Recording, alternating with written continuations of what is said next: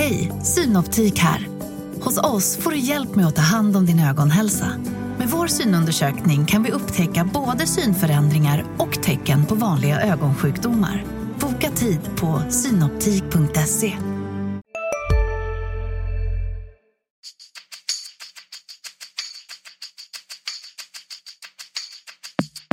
Skönt att komma ut och eh, bara lukta gräset. Så det, är, det är fotboll för mig. Nu är jag här och jag är väldigt glad att eh, kunna spela för det laget som jag har närmast om hjärtat. om å skape tro, om å tro på det vi gjør, jobbe videre. Og vi skal bare ut der, og så skal vi levere. Og det skal vi jo. Basta.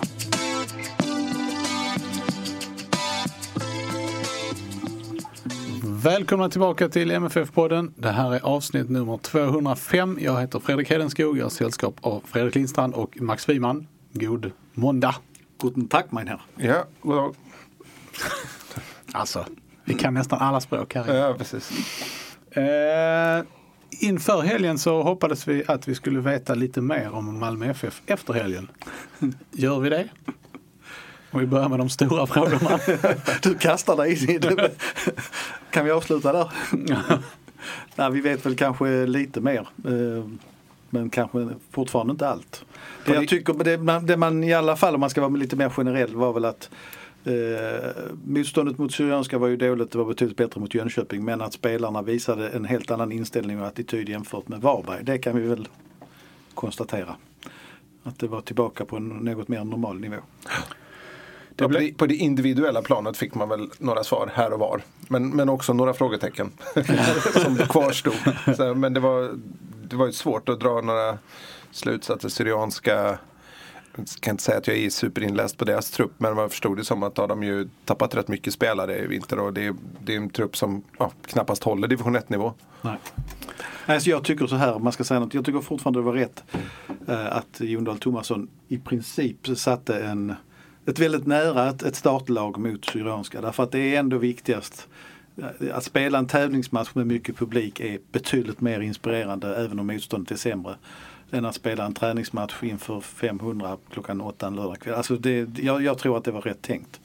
Sen vad det gäller individuella besked så, kan man, så tycker jag man kan säga så här i alla fall att Erik Larsson gjorde en alldeles utmärkt insats mot ett väldigt dåligt lag men han var ju mer högerytter, han var ju inte högerback i alla fall. Eh, och visar väl att han, alltså det är ett väldigt bra alternativ i matcher där MFF ska dominera. Sen kanske ändå Oskar Lewicki spelar mot Wolfsburg. Det skulle man kunna tänka sig. Nej, men det är väl just den typen av ytterbacksroll som MFF, som, som, som vi har suttit och, och gnällt lite om tidigare här. Att man undrar varför det var så återhållsamt. Det kan ju vara så att det var liksom Wolfsburgs taktiskt att Lewicki skulle eh, vara så långt ner. Det blir lite svårt när man möter ett lag som inte anfaller på samma sätt. Men, ja. Ja, sen är det väl platserna där framme, vi, vi pratade lite om det innan vi satte igång och spelade in nu igen. Vi kan väl skriva in Arnor Traustason på en kant kanske. Eh, och sen så är det ju lite öppet. Eh, Sören Rex känns ju som det rimliga att också spela om vi så kallar det för en kant. Men Marcus Antonsson har gjort det väldigt, väldigt bra och gjort mål i tre matcher i rad. Och sen är det de två mittplatserna som vi först måste veta om Isak Kiese är frisk och sen utifrån det fundera. Men, men jag, ja, du hade funderingar Fredrik. Ska vi, ja, alltså, vad, vad, om, man, om man börjar där. Vad, hans, Kiese Thelins frånvaro i lördags, han spelade alltså inte i någon av matcherna. Vilken betydelse har den? Ja, den har ju betydelse eftersom han även var borta i tisdags mot Varberg. Eh, Ja, det är ju liksom någonstans den rollen som var Marcus Rosenberg. Så det är ju superproblematiskt att ersättaren inte har kunnat genrepa så att säga. Det, det behöver ju inte betyda så mycket för hans enskilda prestation, alltså hans bollmottagning etc. Den kanske sitter där ändå. Även om man är lite skeptisk, han har inte spelat så här våldsamt mycket matcher det senaste halvåret. Men det handlar ju om samarbetet med de andra som kanske man hade behövt gnugga lite på. Och kanske hade fått trycka in några bollar och få lite självförtroende av det. Liksom. Um, för alternativet är ju, om vi nu, eftersom vi nu ändå är inne på det, så vilka är, är det Molins som är alternativet eller finns det några fler? Tänkbara lösningar. Ja, det är väl Tim Pritchard men det känns ju inte sannolikt. Han är inte, kanske inte i den rollen ändå. Han spelade Så- ju faktiskt i den rollen sen Ja. på, i träningsmatchen Ja men precis. kvällen. Men det, att, att, att han skulle få chansen mot Wolfsburg, det känns Det tveksamt. är, det är väl tveksamt. Sen däremot så tycker jag att Tim Pritchard ser väldigt spännande ut. Alltså, man, det kanske är dumt uttryckt men mer spännande än Molins på sitt sätt. Alltså, det, Gisha har har det stundtals tungt fortfarande. I, och han, gör, han gör ju en del mål men det, det, är, det är någonting som inte riktigt är där. Ehm, om, Men jag vi, tror att det blir han. Om inte Ja. Thelin spelar. om vi återgår till det vi berörde här bara inledningsvis. Eh, om man tittar på det här lite, de här matcherna i lite större perspektiv. Alltså vilket värde hade de här? Var det en bra, var det en bra lösning med två matcher på en dag, tycker ni? Jag, Tror ni att, tror ni att Jon Dahl Tomasson är nöjd med, med utfallet? nej, jag tror han är nöjd. Jag tror att det blev bättre än vad man kunde tro. Men mycket beroende just på att han vågade göra den här varianten att, att ta sin bästa spelare och sätta dem i B-laget om man ska uttrycka det så. För att jag tror att Anders Christiansen hade mer nytta av att spela mot Jönköping och de andra spelarna i den elvan hade mer nytta av att han var med där också. Eh, sen fick han väldigt mycket fula smällar av Jönköping. Jag tycker ärligt talat även om det är en träningsmatch så är det dålig stil att uppträda på det sättet som de gjorde. Han delade ut någon också men eh, att utsätta spelare för den skaderisken tyckte jag var onödigt.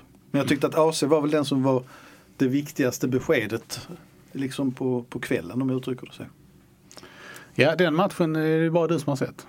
Av oss här. Ska vi börja med den då?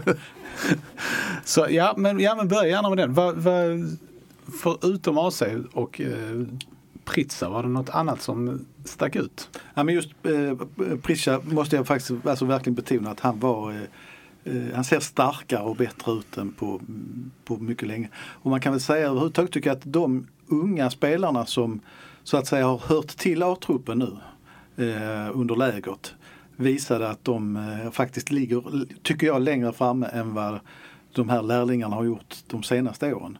Eh, Prisha är nämnd då. Eh, Anel Mujanic gjorde ett bra jobb tillsammans med, med AC på mittfältet och alltså Linus Borgström börjar jag lite förtjust i. Det är en väldigt fredig och offensiv eh, högerback. Tar för sig mycket, duktig på att bryta, orädd, går framåt.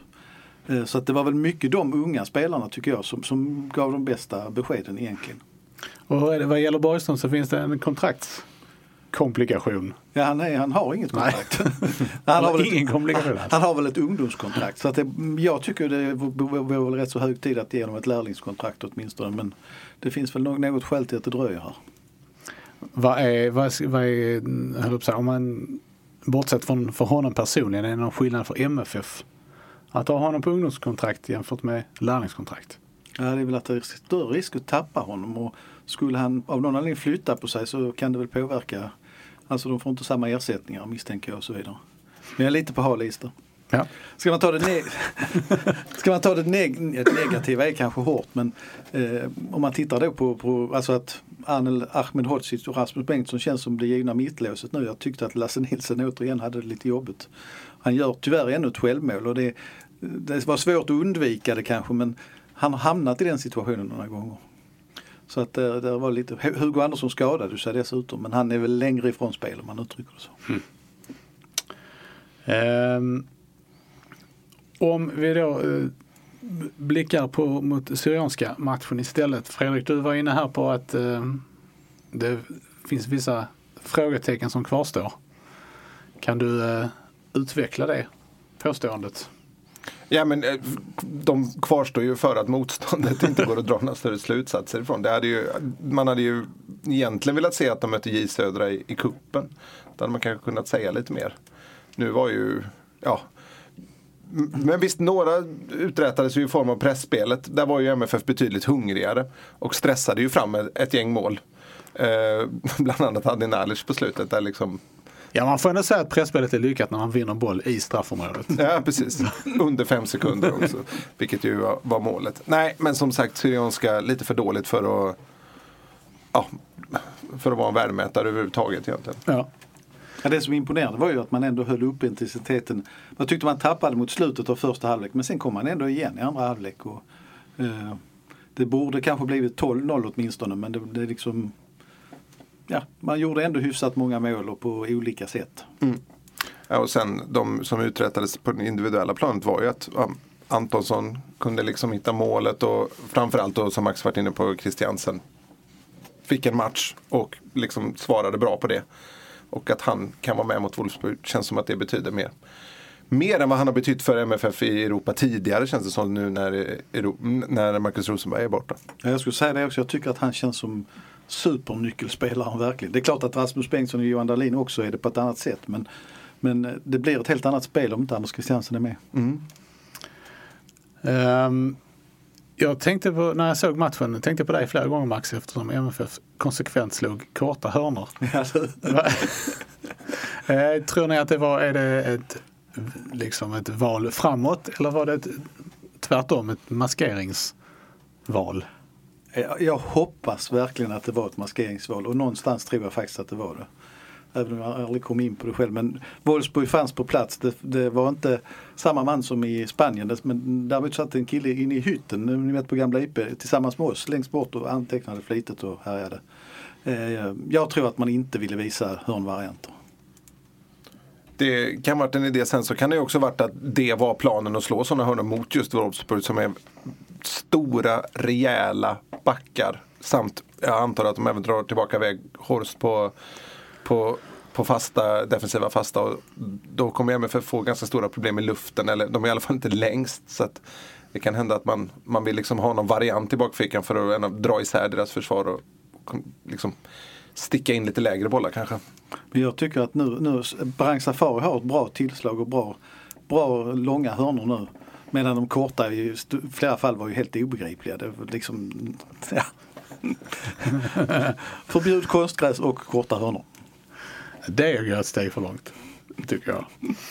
Ehm, vad, eh, vad gäller valen då som, som Thomasson har kvar att göra ehm, utöver spetsen i anfallet. ehm, hur ser ni på det? Är det, är det bara då eh, de tre offensiva mittfältspositionerna som är eller två av dem, är det fortfarande det som är Ja, två av dem och så Oskar eller. Oscar eller Erik får vi väl hålla lite i luften. Men, men ja, jag tycker det är knepigt framförallt med den centrala gubben. Ja men det var ju det som var lite lurigt för att man hade, det kändes ju som man hade kanske halva offensiva fyran i ena matchen då med, med Berget centralt och Rex till vänster. Och sen andra halvan med Molins på topp och, och Traustason till höger i den första matchen. Så, och, ja, och sen har vi då det valet eh, Molins eh, Thelin, vem som spelar där. Så att det, det var liksom som att han maskerade lite där Tomasson. Jag eh, eh, brukar inte vilja, vad ska man säga, jag tycker att MFF har varit för försiktigt ibland. Men jag menar att mot Wolfsburg i det läget man är i eh, tidigt på säsong och nytt spelsystem så tycker jag de ska vara extremt försiktiga där. Och jag är mer och mer inne på den linjen som du Fredrik förde fram först tror jag med att, att Berget ska ta den centrala rollen. Jag tycker att det var ett tecken att, att just han spelar på den positionen. Att han var uppskriven på den positionen.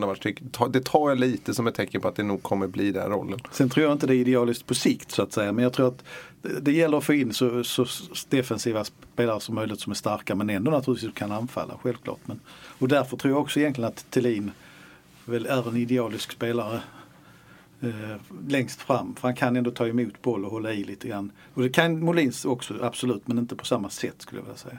Sen den, den spännande detaljen är ju det här med, mellan Rex och Antonsson och det blir väl förmodligen Rex av defensiva skäl där också. Men eh, det är klart det kittlar det här ändå att Antonsson nu har, eh, mot väldigt olika motstånd men ändå har gjort mål tre matcher i rad. Man kan ju se, känna lite vad gäller topppositionen att Molins kanske också fungerar bättre i den rollen i en match där MFF har mer boll. Ja. Alltså det är ju ändå, han, han gör sig bättre på små ytor än vad, än vad Thelin gör. Samtidigt som Thelin kanske man har större glädje av i en, i en match där, man, där det handlar mer om att låsa fast och få möjlighet att flytta upp laget. Jag håller med. Och sen den spelare som vi inte har nämnt vid namn här egentligen det är ju då Adi Nalic. Som ju på sikt säkert är den som är tänkt att vara eh, mittmannen bakom. Som nu blir det som tia. Eh, men med tanke på de bolltapp han ändå gör än så länge i sin ungdomliga iver att göra lite för mycket själv så kanske man har man ju inte råd mot det mot Wolfsburg, tycker inte jag i alla fall. Ja, det, är ju en häftig situation också. för att det är ju, man, man kan ju tänka sig att Malmö FFs defensiv kommer sitta hyggligt under säsongen. Så att det, det, under förra året var det ju väldigt svårt att peta någon i defensiven så att säga. Eller någon av mittbacksparet, mittbackstrean. Just för att nu gjorde jag, bytte ju MFF mycket där ändå men det, var, det är svårt att hitta brister hos någon i ett lag som ändå är så pass stabilt i Allsvenskan. Men i, i den rollen så kommer det verkligen vara så här. Gör du, gör du mål och assist så får du fortsätta spela. Gör du inte det då kommer, då kommer Berget och Nalic skifta där troligen. Om det nu framförallt kommer handla om dem. Sen tycker jag att, eh, tittar jag på dig, den andra Fredrik. Eh, jag tyckte att han gjorde ett lite konstigt målvaktsval egentligen. Men det är klart han kanske inte vågade chansa med Mattias Nilsson i kuppen. Men Johan Dahlin hade ju haft större nytta av att stå mot Jönköping. Det är ingen tvekan om det. Nej, så är det ju. Samtidigt så kanske man eh, ville spela ihop Ja, formationen eftersom Dahlin nu har missat Ja. eh, Nej, men så är det ett säkert. antal matcher. Ehm, Jag tror det var våra kollegor på, om det var Kvällsposten, hade räknat upp att han rörde bollen sju gånger på hela matchen. ja, han var ju... Han, rörde, han gjorde en räddning. Ja. Så det- det var ju bra. Jag tänkte på, eh, jo, eh, med tanke på liksom de svårigheterna som vi ändå har här att, att gissa oss eh, till laguttagningen så måste man väl ändå säga att om, om det har varit så att MFF haft för avsikt att, att, att mörka för Wolfsburg så har man ändå lyckats. Lite grann. Mm. Det kan man verkligen säga. Det var ju mycket som var svårt för dem redan från början i och med att det var en ny tränare. Eh, som, som dessutom bara har varit assisterande tränare de senaste åren. Så det är lite svårt att veta vilka idéer som är, är hans egentligen. Och sen har vi ju liksom hela den här situationen då med nya spelare och så vidare. Eller nygamla spelare kanske man säger. Eh, hur, om vi eh, vänder blicken ner mot eh, Tyskland då. Hur är läget i, i Wolfsburg? Alltså det, nu är det klang och jubel där nere.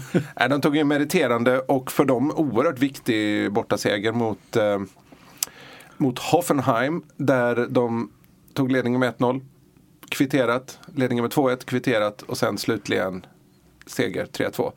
Eh, och där Wout Weghorst, då, den här storvuxna anfallaren, nästan två meter lång, fick eh, göra samtliga tre mål och bryta en, jag tror det är, var en nio eller åtta matcher lång måltorka. Han har inte gjort mål sedan i början av december. Eh, han, han var ju alltså fram till oktober så var, ju han, var det bara Robert Lewandowski som hade gjort fler Bundesligamål än Wout Weghorst. Och sen så tappade han det mesta i takt med att laget också tappade det mesta. Men nu verkar han kommit igång igen. Men vi ska säga att han hade hjälp av två straffar. Mm, exakt, exakt. Och, eh, Det är inte det lättaste. Att göra mål på straff. nej, det, det finns ju lag som känner det. Fråga de som slår dem i onödan i kuppen ja. Nej, men... Eh, ja, så var det med det. Nej, men eh, Wolfsburg eh, också är ju starkt på fasta situationer. De, eh, de gör nästan en tredjedel av sina mål därifrån. Är det bra eller dåligt för MFF att de ändå har fått, verkar ha fått lite ordning på Alltså hade, de Saker och förlo- ting. hade de förlorat den matchen så är det ju frågan om de inte hade gjort ett tränarbyte eh, de här dagarna in, inför MFF. Även då om eh, vdn slash sportchefen har eh, sagt eh, att nu ska vi ta oss igenom det här tillsammans. Eh, men ja, man vet ju att när en, när, när en klubbledning bedyrar att en tränare sitter säkert så är det ett första tecken på att han kommer få sparken. det, så brukar det ju vara. Vi har fullt förtroende för Oliver Glasner. betyder att vi har, vi har tålamodet börjat tryta. Det är ju en papperskonstruktion av oss egentligen men man kan säga så att det hade kanske varit bättre att det hade blivit 1-1. Det som, eh, och då hade, för där kanske tränaren suttit kvar ändå. Det som kanske då är lite, de Hej, Ulf Kristersson här. På många sätt är det en mörk tid vi lever i. Men nu tar vi ett stort steg för att göra Sverige till en tryggare och säkrare plats. Sverige är nu medlem i Nato. En för alla, alla för en. Har du också valt att bli egen? Då är det viktigt att skaffa en bra företagsförsäkring. Hos oss är alla småföretag stora och inga frågor för små. Swedeas företagsförsäkring är anpassad för mindre företag och täcker även sånt som din hemförsäkring inte täcker. Gå in på swedea.se företag och jämför själv. har ju naturligtvis en boost av att de plötsligt gör tre mål. Det, Mm. Ja, de har ju helt plötsligt från att knappt gjort några mål alls gjort åtta mål på de tre senaste matcherna. Dock har de ju släppt in en hel del också, vilket eh, man ju inte alls känner igen dem vid. Men de har ju alltså två segrar och en oavgjord på sina tre senaste. Och det är ju en klar förbättring från januari där de inte vann alls. Och de har ju då, Hoffenheim är ju en eller två placeringar före inför den här omgången. Och nu har de ju fortfarande häng då på Europa, Europaplatserna. Hade de förlorat mot Hoffenheim så hade det ju sett ganska mörkt ut den biten. Och det är ju deras tydliga målsättning då, de ska till Europa nästa år igen. Det ska bli intressant att se vad det här gjorde för intresset. För efter vad jag fick höra i slutet på förra veckan så var det bara sålt 11 000 biljetter till MFF-matchen då. Nu vet jag inte om man köper senare där nere. Jag förmodar att MFFs 4 000 inte var inräknade då för det är ju katastrofsiffror. Men, men eh, eh det, det kan ju bli en, om inte intresset stegras så kan det bli en väldigt annorlunda inramning nere i, i Wolfsburg faktiskt med, med en dominerande MFF-klack. Precis. Att jag hade, hade någon sån här ursprunglig tanke på att jag skulle provocera och det grövsta genom att säga att, att, att detta är det största MFF-följet någonsin. För jag det, det finns ju så här, det gjordes ju en ganska rolig sån mockumentary om eh, att VM 1958 aldrig ägde rum i Sverige. Eh, där de liksom driver med den här eh, och ser lite tecken på att det aldrig har allt skapat lite så som man kan göra med månlandningen, att den är inspelad i en studio i Arizona och så vidare. Men har man någonsin sett ett bevis på att det faktiskt var 10 000 MFF-supportrar i München? Jag tänker att, fy, att MFF får med sig 4000 Wolfsburg är ju, det är ju makalöst liksom. Eh, det är ju en dag mitt i veckan. Sportlov förvisso men ja, det är, de flesta vuxna är ju inte lediga liksom. Och, och liksom med sociala medier, hur man kan kraftsamla och, och liksom skapa hets och tryck och köpa biljetter och MFF uppmanar konstant till biljettköp. Medan det var ju knappast något som gick 1979 att göra. Och samtidigt också om man tittar på MFFs kvartsfinal, semifinal. Det var inte mycket bortafölje då. Nej det var inte det men det, blev, det var mycket folk. Jag var ju inte i München men jag vet att det var mycket folk där nere. Men Precis. siffran- Ja, men det är just detta man hör ofta. Ja. Man, det, man, man vill liksom se, man vill se lite cold hard facts nu. Det är likadant som, inte, inte riktigt parallell, men det klassiska med Malmö idrottsplats att alla, alla barn låg bakom mål. Ja, exakt. Alla har legat där. Ja. Nej men det är lätt att det blir så att eh, man har ju inte ens sett en bild på, på bortasektionen från, från München 1979. Men Så det är frågan om vi ska montera ner den här bilden och faktiskt säga att det här tyska följet, som dessutom var, dessutom var kortare att åka och där det arrangeras bussresor på ett annat sätt. Nu var det, nu, det arrangerades lite bussresor, det gick väl ner något tåg Tåg 79 också. Kvällsposten tror jag till och med flög ner Stämmer. folk men eh, som sagt, det är inga 10 000 som har arrangerat bussresor. Alla ni som var där, eh, hör av er till Fredrik. Precis. Eller om era föräldrar var där. Eller något. det, det är väl uppe i nästan 4250 MFF har totalt nu där, Ja. med, med sittplatsbiljetter så att säga. Och det är ju, eh, jag, jag hade någon sån här fånig förhoppning som Malmöit, mer som Malmöby, lite statement i de här tiderna att de skulle sälja slut alla biljetterna. Det hade varit rätt häftigt. Men, men det, eh, 4 och 2 är en he, helt fantastisk eh, summa. Precis. Och de kommer vara spridda över halva Tyskland för det finns nästan inga hotell i Wolfsburg. Precis. De bara slå upp eh, fabriksportarna egentligen och ha en sån stor sal. Tycker man skulle kunna löst. Men det är också en aspekt av det hela. 1979, Malmö FFs eh, publiksnitt i allsvenskan ligger alltså på 6900 tror jag det är. Eh, 10 000 mer i snitt nu eh, 2019 då. Ändå så kommer 10 000 ner till München. Det är alltså det är, det är nästan Men- men Fredrik, 150. Men det var ändå en Europacupfinal. Ja, och nu är Fred- Fred- Fredrik är lite taskig när han tar liksom det som hände efter Europacupfinalen. Du skulle kollat snittet 78 Ja, det är istället. sant, det är sant, det är sant. Nej, men, också, så, men jag undersökte detta lite och jag har faktiskt hört av mig till Nottingham. Jag vet att Nottingham var, hade fler folk där och, och försökte ta reda på hur många de var där. Men de ska ju varit över 10 000 då. Och eh, sen så kollade jag upp eh, motsvarande siffror. Jag vet att eh, IFK Göteborg var 5 000 i Hamburg. Eh, 1982 i Uefa-cupfinalen och sen tror jag 3 000 i Dundee 87. Eh, och där har det med tilldelning att göra.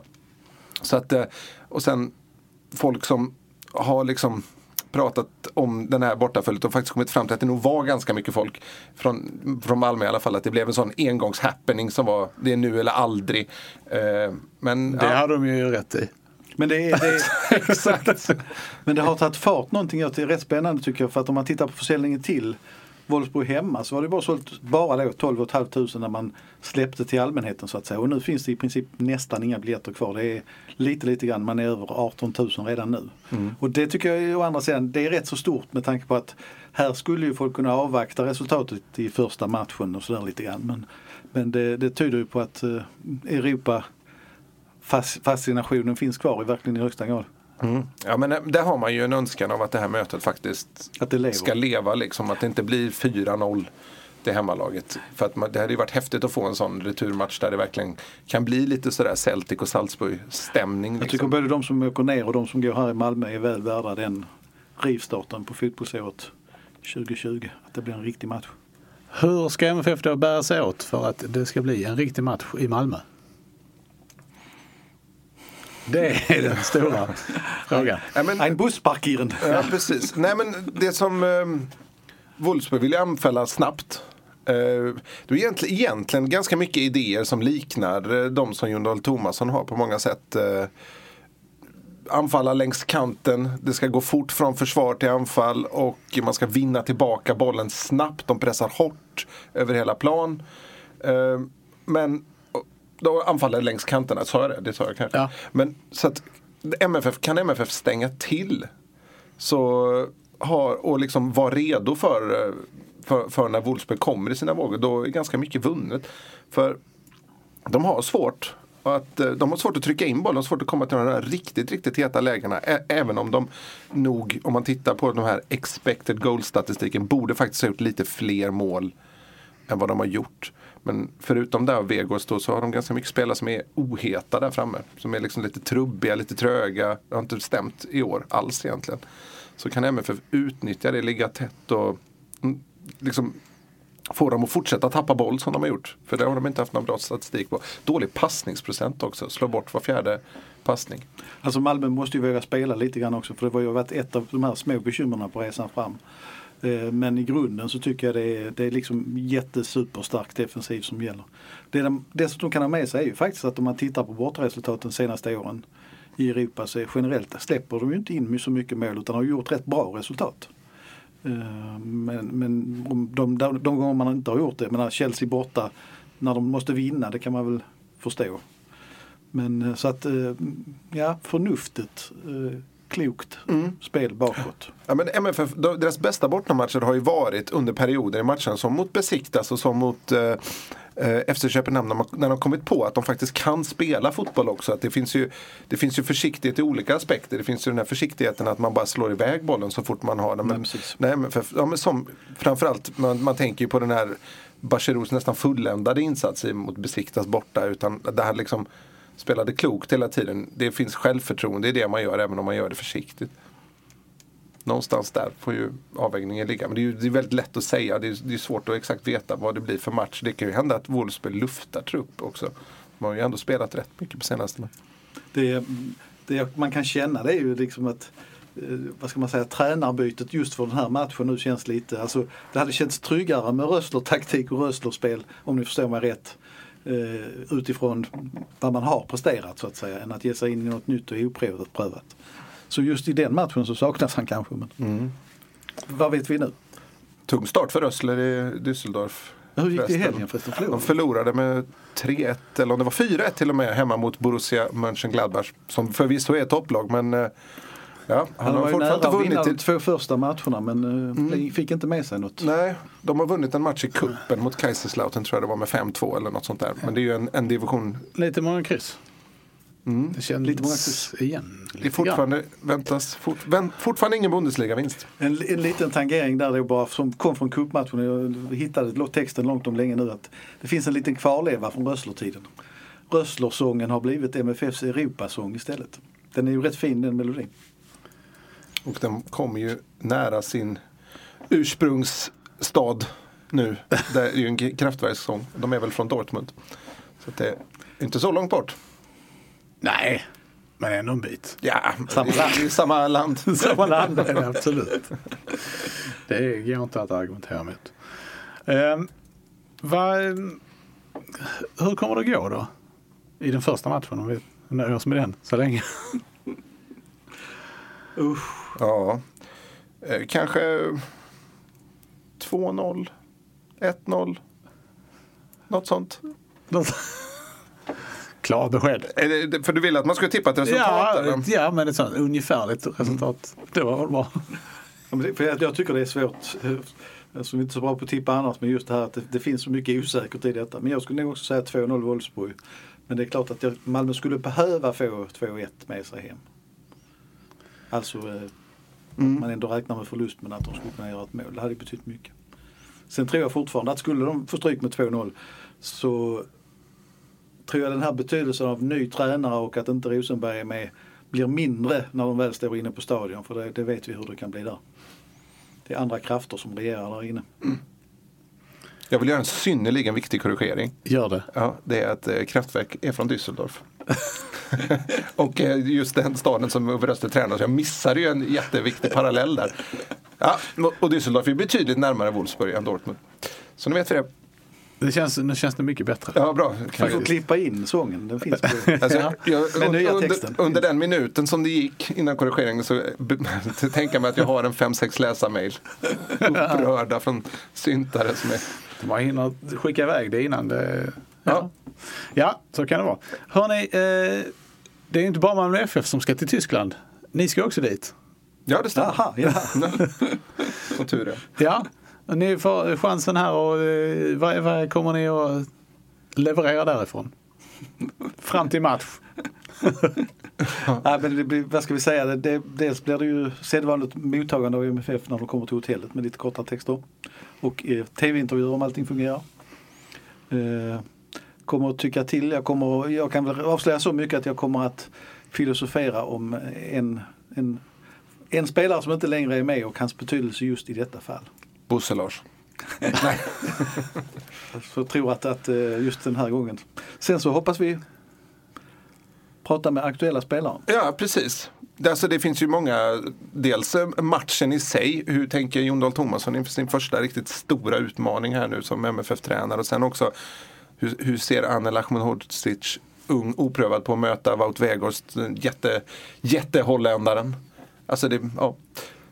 Bara en sån sak. Och så faller det väl på dig Fredrik att försöka plocka upp någonting kring följet också. Just det, Publik. det vill man ju höra. Dels vad spelarna tycker om hur det ska bli och dels vad supportarna ser på den här matchen och, eh, och hur marschen ska gå. Allt möjligt, alla små och stora bitar. Och i morgondagens papper så är det, blir det ganska stort Wolfsburgs fokus. Vad är det för lag MFF ska möta och vad är det för klubb för supportrar? Sen ska man ju komma ihåg också tyvärr att matchen då är sen. Det är bara avspark 21.00 så att och MFF kommer att hasta hem i vanlig ordning- efter. De har ju chartrat flyg ner. Det har de väldigt stor nytta av denna gången eftersom det inte finns eh, naturligt internationellt flyg till Wolfsburg. Men det finns en flygplats. Men det innebär att det blir ganska kort om tid både för oss att, att hinna skriva och framförallt att hinna prata med folk efteråt. Så att, men vi kommer att göra allt vad vi kan som vanligt. Det är alltid intressant där tycker jag när man pratar med folk om ah, vad roligt att få åka och se matchen och sådär, vilken upplevelse. Men jag tycker alltid sådär när det är 21 avspark om man är färdigjobbad så tänk, du kommer alltid vad, vad, var det som hände egentligen? vad, så, vad var det jag såg? För det, var så, det, är så, det är så mycket som händer på en gång efteråt. Man hastar runt fram och tillbaka mellan mixade och tangentbordet egentligen. Och, Vi hade väl en sån klassiker till och med här i Malmö, just Rosenbergs sista match där, som ju var en 21 avspark. Där man verkligen liksom, oj shit, hur gick det här till? Ja, alltså man vet ju om man jobbar en sån kväll, vilket jag också ska göra fast här hemma, att det, det blir ju en bit in på nattkröken innan det är, är färdigt alltså. Ehm, men det är väl eh, så det ska vara. Det ska bli spännande och jag tror av många skäl att, alltså naturligtvis, jag, jag tycker det är häftigt att MFF faktiskt kan i alla fall i förväg utmana om att gå ett steg till. Men jag tror att det skulle betyda väldigt mycket för den fortsatta säsongen också om man får en bra start här. Eh, vidare in mot cup och sen mot allsvenska. Det, det, mm. Det ska bli framförallt, eh, eller framförallt, men det ska bli en rolig aspekt av matchen är att det är verkligen fotbollen som är i centrum. Förra 16-delsfinalen var det ändå upplevelsen i sig. MFF hade inte varit där förut i, i ett slutspel, alltså i ett utslagsfasen. Sen var det London. Det finns väldigt mycket annat där eh, Som pockar på uppmärksamhet och, liksom, och det var Chelsea, den här eh, liksom miljardindustrin som är på en annan planet. Nu är det någonting annat ändå. Nu är det, I Wolfsburg åker man till för att titta på ja, lite, kanske lite modern industridesign men också, men framförallt fotboll. Liksom. Det är den matchen står i centrum. Det är en motståndare som är överkomlig. Det är ingen klubb som liksom som skrämmer i bara namnet egentligen. Hade, hade FC Rosengård åkt till Wolfsburg och spelat så hade det varit en annan femma med just na- namnet. Men liksom, där är inte riktigt... Men känn- De har varit känn- där, är jag har det- varit och sett dem där. Ja, De har förlorat på straffar i kvartsfinal. De har varit där två gånger till och med tror jag. Sen vi kan väl säga det också för vi, vi ska ju köra ner. Och ja, vi kommer att vara provocerande. Vi kommer att köra svenskt. Vi säger väl inte mer än så. Men eh, vad gäller den här liksom, eh, känslan inför matchen. Upp, upplever ni att det är samma sak i laget och i klubben? Att man ser på det här Wolfsburg-mötet på ett annat sätt än vad man gjorde med Chelsea? Jag, jag har tänkt lite på det här. Det, det här delvis man saknar Markus Rosenberg. Att det, det, det, det bubblar inte lika mycket. Eh, tycker jag rent generellt. Alltså, det kan vara medvetet också att man, att man har tonat ner det för man menar kanske att det blev för stort fokus på Chelsea i fjol. Men jag känner inte riktigt det där att det slår gnistor runt det. Den som är närmast där är nog Anders Christiansen faktiskt. Tycker jag. Alltså förra året låg det, kändes det som att det låg, det var mycket rössler som drev upp Ja. eh, hetsen kring Chelsea-matcherna. Men sen så gjorde ju Chelsea, alltså det var bara att det var lite kris i Chelsea att Chelsea är Chelsea. Det är ju många som följer Premier League i Sverige. Det är ju, det är inte alls lika många som sitter och tittar på Bundesliga. Det gjorde ju att man fick mycket gratis och det. Dessutom hade ju Chelsea en, en kris nästan hela våren där med, med Sarri och, och de torskade ligacupfinal och så vidare. Det var, det var mycket, det var jäkla turbulent. Eh, vad var det? Dagarna innan fick de ju stryk mot Manchester City med 6-0 och så. Här. det, var ju, det blev ju hås bara av, av sig själv på det viset. Liksom. Men det har inte varit riktigt samma hets, det tycker jag inte. Och det, det, det, det ligger väl i lagnamnet kanske också. Plus det faktum att MFF är där igen och att man liksom, det är lite malmöitiskt. Vad är det då? Det är match. Men är det, ehm, tolkar du det som någonting positivt för Malmö FF? Nej, inte riktigt. Jag skulle vilja se lite mer eh, på tårna ändå. Framförallt eftersom det är bortamatch först. För det, det har ju hänt historiskt, om det, även om det har gått bättre de senaste åren så har det ju hänt historiskt att MFF har åkt på riktiga minor borta. Ja. Eh, då räknar vi med att ni eh, börjar leverera någon gång under eh, tisdagen. Ja. Det är måndag idag, jag har jobbat helg så jag Det är möjligt att det, är, det är från onsdag morgon och grejer kommer ut, det vet vi inte riktigt. Men tisdag kväll eller onsdag morgon. Ni får helt enkelt hålla utkik eh, på sydsvenskan.se och i Sydsvenskan. Där eh, gör ni det så kommer ni att få det ni behöver. Så är det. Så är det. Så är det med det. Vi eh, återkommer, gissar jag, någon gång mellan de här Wolfsburgs-matcherna. Verkar väl Det känns rimligt. Det gör det. Vi ska bara få ihop det också. Men det ska nog lösa sig. Det här har varit avsnitt nummer 205 av MFF-podden där vi anser att konstgräs ska förbjudas i svensk elitfotboll. Jag heter Fredrik Hedenskog, jag har ett sällskap av Fredrik Lindstrand och Max Wiman och ansvarig utgivare är Pia Renqvist. Tack för oss, hej hej! Hej då!